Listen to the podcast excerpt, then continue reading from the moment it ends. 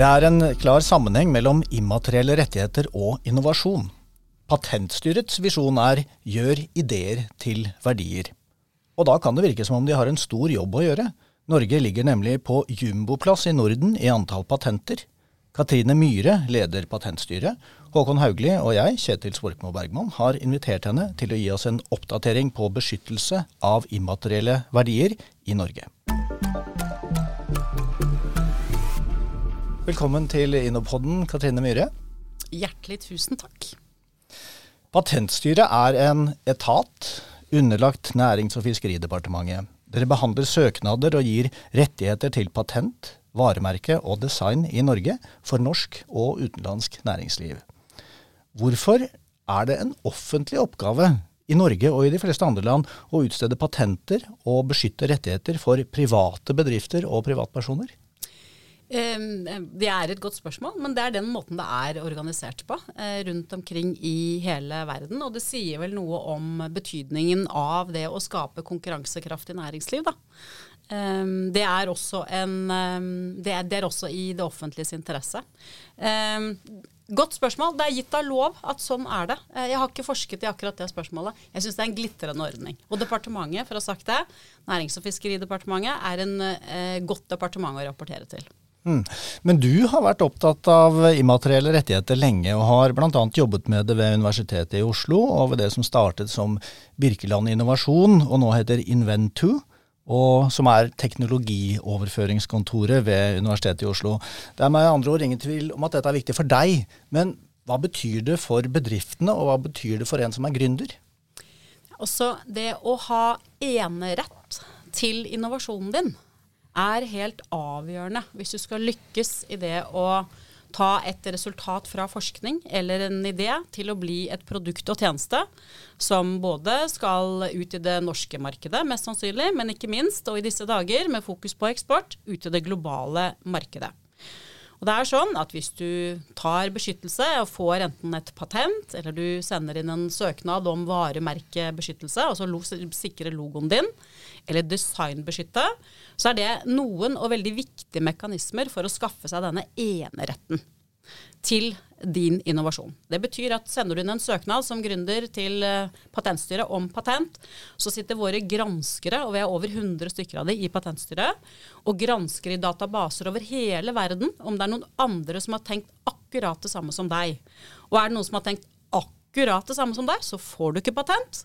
Men hvis du har en uh, liten forskjell til hva andre har tenkt, og din innovasjon har innovasjonshøyde osv., her er det et sett med kriterier, så får du enerett til, til, til denne innovasjonen.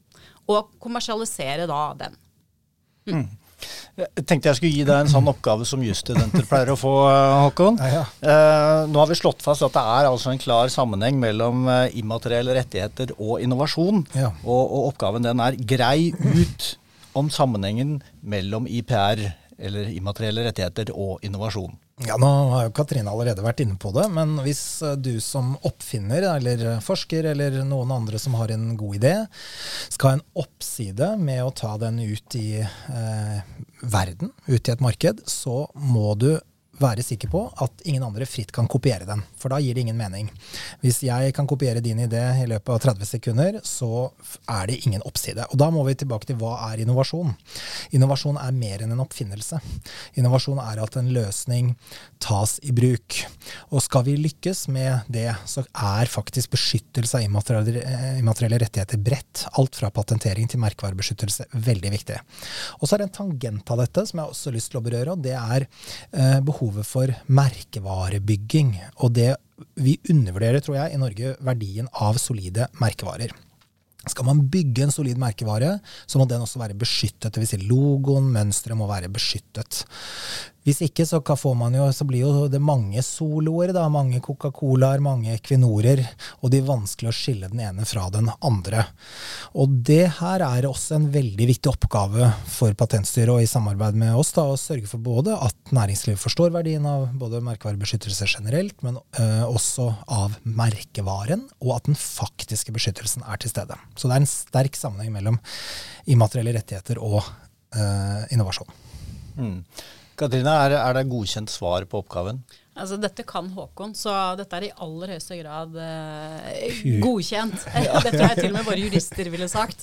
Um, det du er innom, Håkon, dette med kopiering, uh, dette er helt sentralt. Og det er dessverre sånn at så mye som 30% av næringslivet vårt opplever å bli kopiert. For du kan jo oppleve å bli kopiert selv om du har beskyttet. Men hvis du ikke hadde hatt beskyttelse og blir kopiert, så har du ingenting å gå til rettssalen med. Eh, tilbake til denne eneretten og hva det gir deg at du har beskyttet. Og dette med kopiering er, er, spennende. Det er en del andre ting her som vi skal komme tilbake til òg, men siden, siden, du er inne på det. Hvem er det som blir kopiert? Hva slags produkter eller, eller design, eller hva, hva, er det som blir kopiert? Har du noen gode eksempler, eller kanskje noen dårlige eksempler, da? Også nylig, så Ikke at vi skal snakke mye om det, men et eksempel som kanskje mange har uh, lest om. Sant? Vestre eh, møbler ble jo For eh, kort tid siden så var det rettssak om dette. Den eh, ble forlikt. Eh, og det var fordi noen andre hadde lagd noe som var veldig likt de møblene som vi alle helt sikkert har sittet i, som er Vestre sine møbler. Eh, Kari Traa eh, har jo fantastisk design på sitt ulltøy. Blir kopiert særlig mye i Tyrkia, har jeg, har jeg hørt fra konsernet som forvalter den merkevaren. Jotun, Hydro, de blir kopiert uh, worldwide. Uh, og de er, heldigvis er det så store konsern, så de kan ha mekanismer internt i, sine, uh, i sin bedrift, hvor de har advokater, eller interne advokater, da, jurister som følger med på dette og gjør nødvendige tiltak. Et eksempel til. En herremann både Håkon og jeg kjenner, Tore Ulstein og Ulstein-gruppen de har en fantastisk båt. altså Designet på den den er også så lekker. Den heter mm. Expo. Eh, det ene er jo at jeg har spurt Tore du, hvor, mye kan du, hvor stor verdiskaping kan du relatere tilbake til at du har beskyttet det med, med patent, design, varemerke med mer. Og så sier Tore 50 Eh, og den båten har i hvert fall eh, skapt verdi for 100 milliarder kroner, så da kan vi jo mm. enkelt regne det tilbake. Men eh, Branson eh, forsøkte å kopiere denne vakre, lekre båten.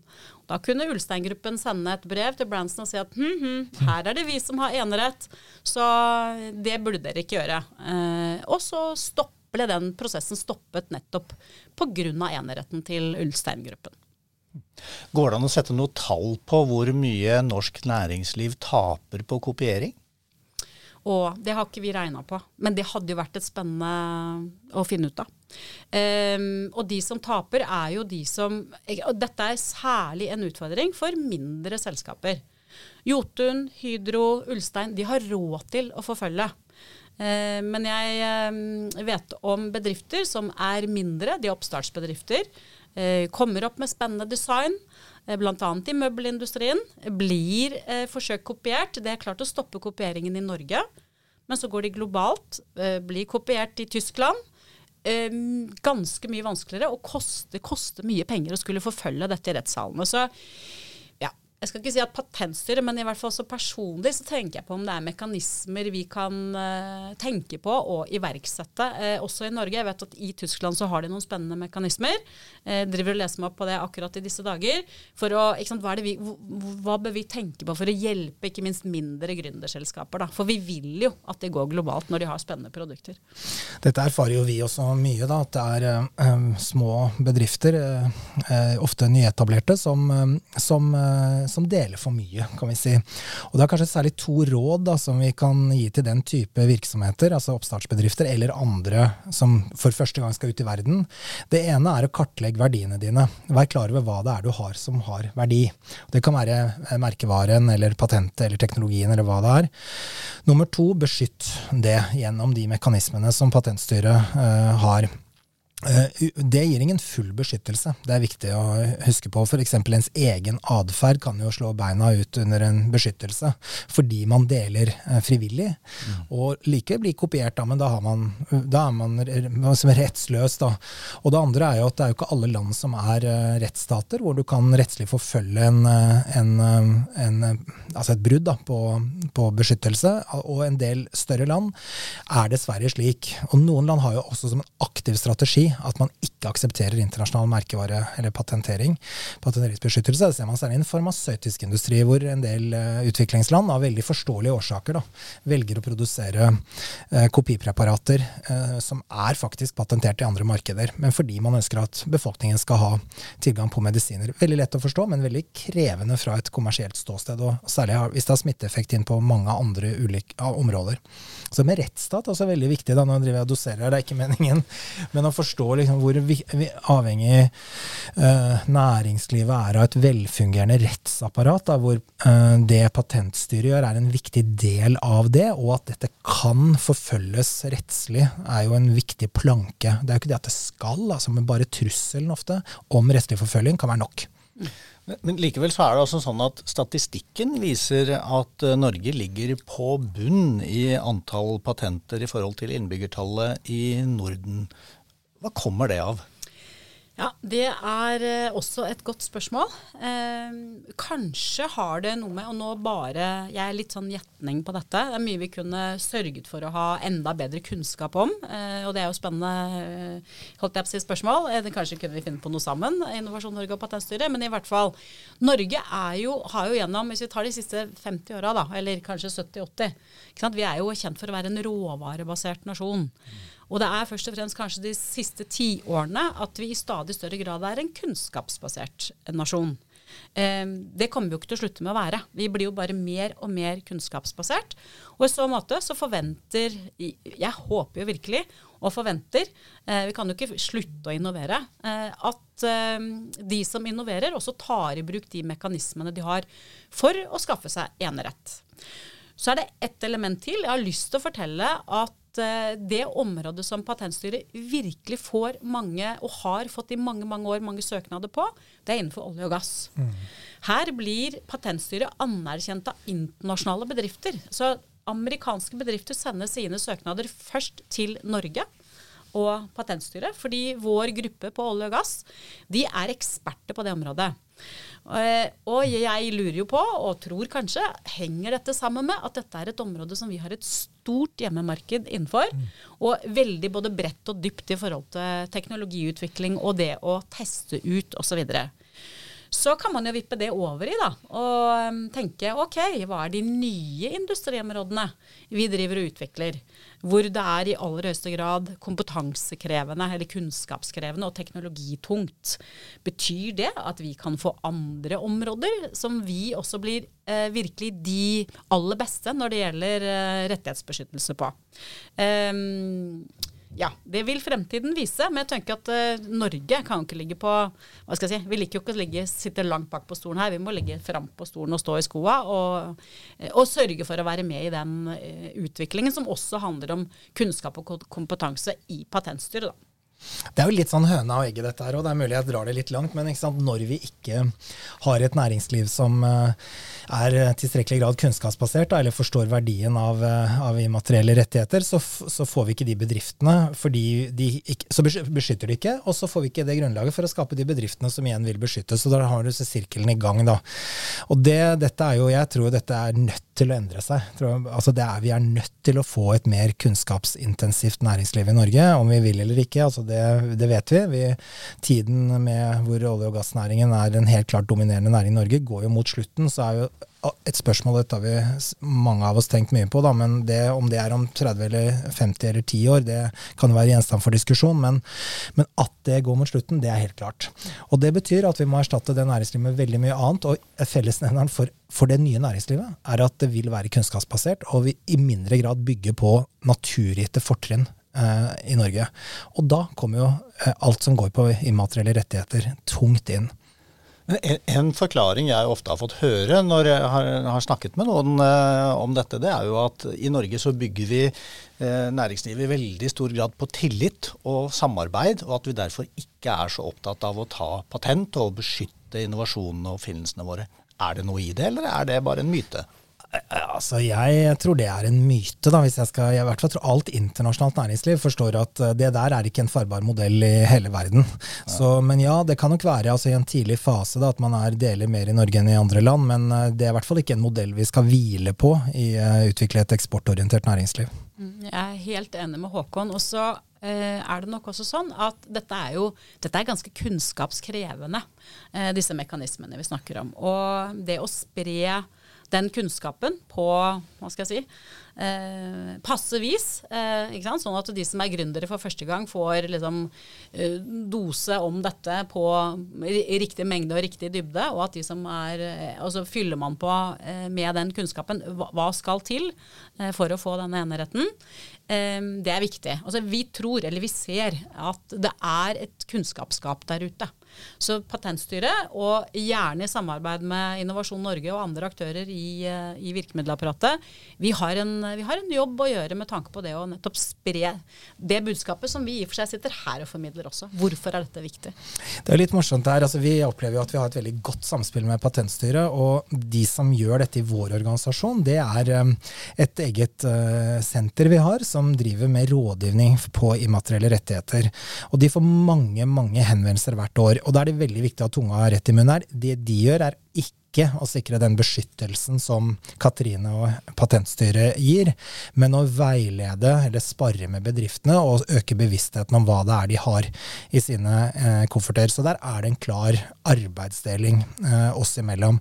Og hos oss er dette knyttet veldig til eksport, fordi det er særlig i møte med et internasjonalt marked hvor dette med eh, beskyttelse er særlig viktig. Det, betyr, det er ikke uviktig i Norge, eller bare understreke det, men risikoen er mye større i et internasjonalt eh, marked. Det er i hvert fall vårt, vår opplevelse at det er et godt samspill og en god arbeidsdeling i da, virkemiddelapparatet, da, i gåsetegn. Mm. Det bare understrekes. Godt, veldig godt samarbeid. Og Så er det et begrep til som jeg har lyst til å nevne. Altså vi, hos oss snakker vi mye om IPR-strategi.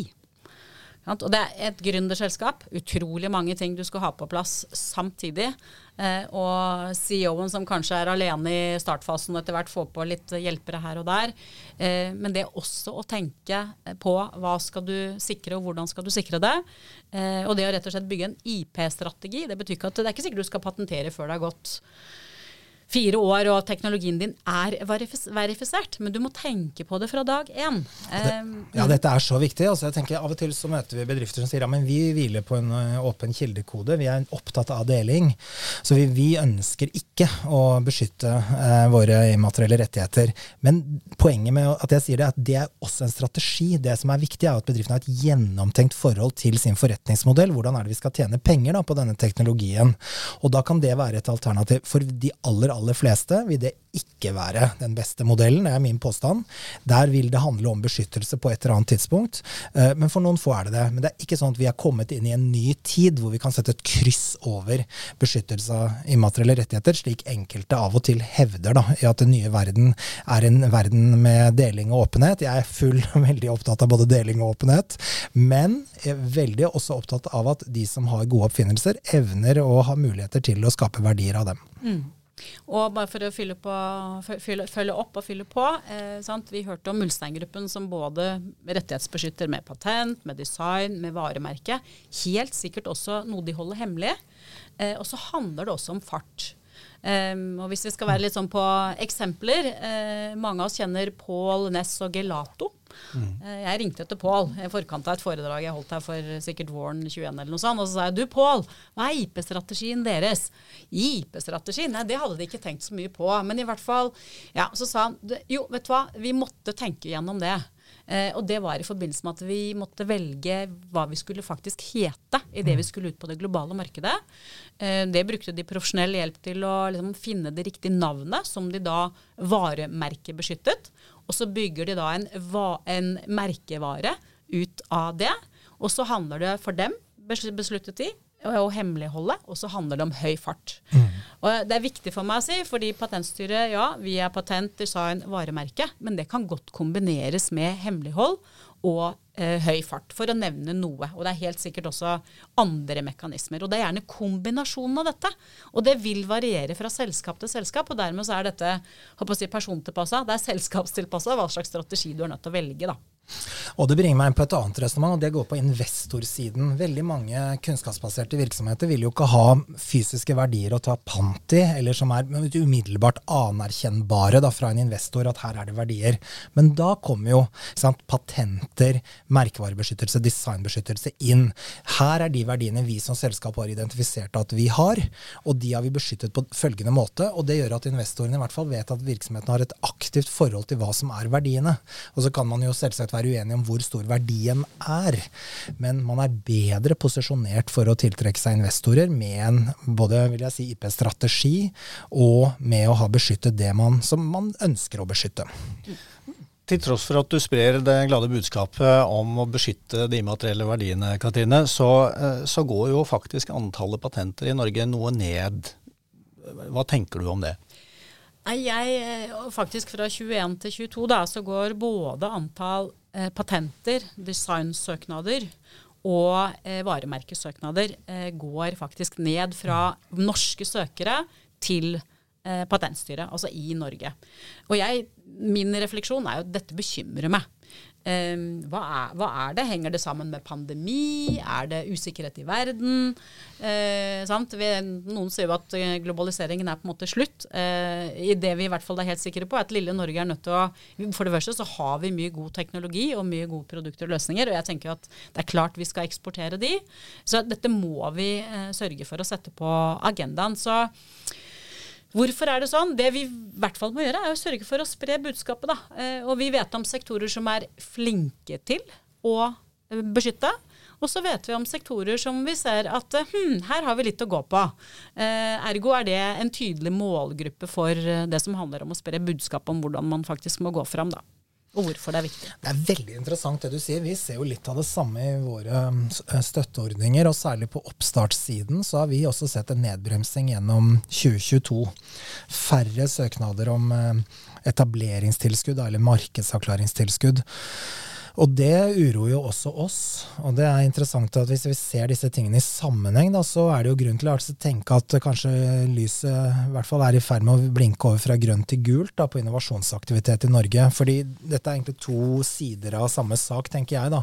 Både at oppstartsvirksomhet Det blir færre i hvert fall som søker våre ordninger. Jeg tror det føyer seg inn også et annet mønster. Vi ser søknader til entreprenørskapsstudier ved eh, universitet og høyskoler har gått ned. Vi ser også i holdningsundersøkelser at færre unge mennesker ønsker å starte egen bedrift. Og vi ser, som du gjengir nå, lavere grad av liksom, beskyttelse av den innovasjonen da, som mm. faktisk skjer. I sum så er jo dette illevarslende. Jeg skal ikke bruke for sterke ord, men det er i hvert fall veldig viktig for Norge å snu en slik utvikling. Fordi vi vet at vi trenger disse nye bedriftene som lykkes både hjemme og ute, og at dette er veldig viktige verktøy for å få til det. Nå skal vi ikke grave oss ned i bekymringene her, men jeg vet at du har én bekymring til, eh, Katrine. Og det er at eh, det er bare 6,9% av de som har patentrettigheter i Norge, som er kvinner. Hvorfor er det sånn? Det er lavt. Og, og hva kan vi gjøre for å forandre det? Ja, Det er skremmende lavt. Og jeg må si da jeg fikk det tallet, eh, å tenke på likestillingslandet Norge, så igjen, hva handler dette om? Eh, rett og slett. Og det ene er jo at vi sant? Det ene er vi ønsker, og Norge har jobba i mange mange år, og det er jo det likestillingen ikke minst handler om, er jo for kvinner det er jo, Kvinner har like, håper å si, er like mye i arbeidslivet som menn. Eh, men det som også er interessant i denne sammenhengen, er jo at 50% av forbrukerne, av kundene, er jo kvinner. Og vi vet jo at hvis innovasjonen er skapt av en mann, så er det noe med tenkningen som kanskje gjør at den passer, passer til menn. Og sånn er det også med kvinner. Um, ja, så det der må vi rett og slett bare Det er en trend. Må vi, vi, må få snudd den trenden. Og ett element til, da, for det er, noen, det er ting som henger sammen her. Eh, hvis vi ser på hvor går kapitalen, altså invest, investorkapitalen jeg mener, og håper ikke jeg nå refererer feil, jeg tror det kun er 1,3% av den nordiske investeringskapitalen som går til kvinnelige eh, eller selskaper med kvinnelig gründer. Det er veldig, veldig lavt.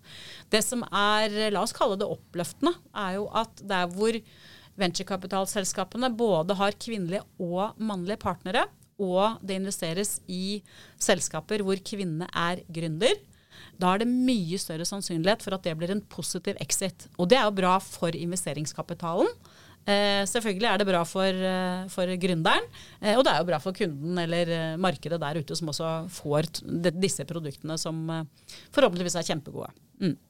Altså Denne bekymringen også deler jeg helt og fullt. og sånn Tankevekkende hvor langsomt dette går. altså Vi eh, ser jo på de samme tallene. Vi har litt høyere tall hos oss, da, bare for å ha sagt det, men det bildet er jo likevel slik at det er altfor få kvinner som, som bruker våre ordninger også.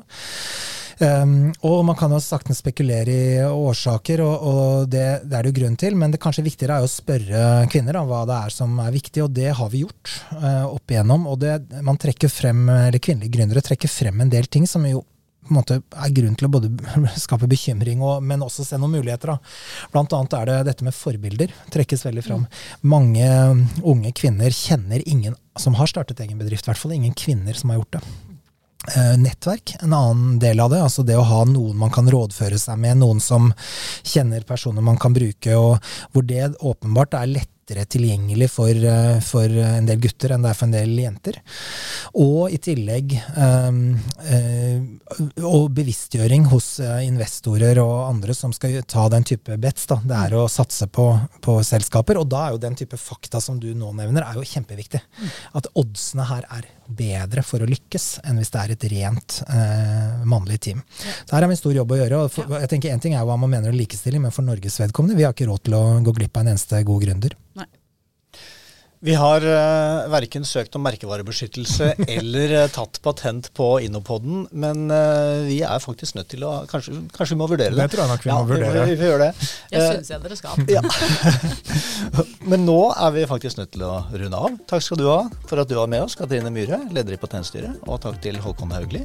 Mitt navn er Kjetil Skorkmoberg.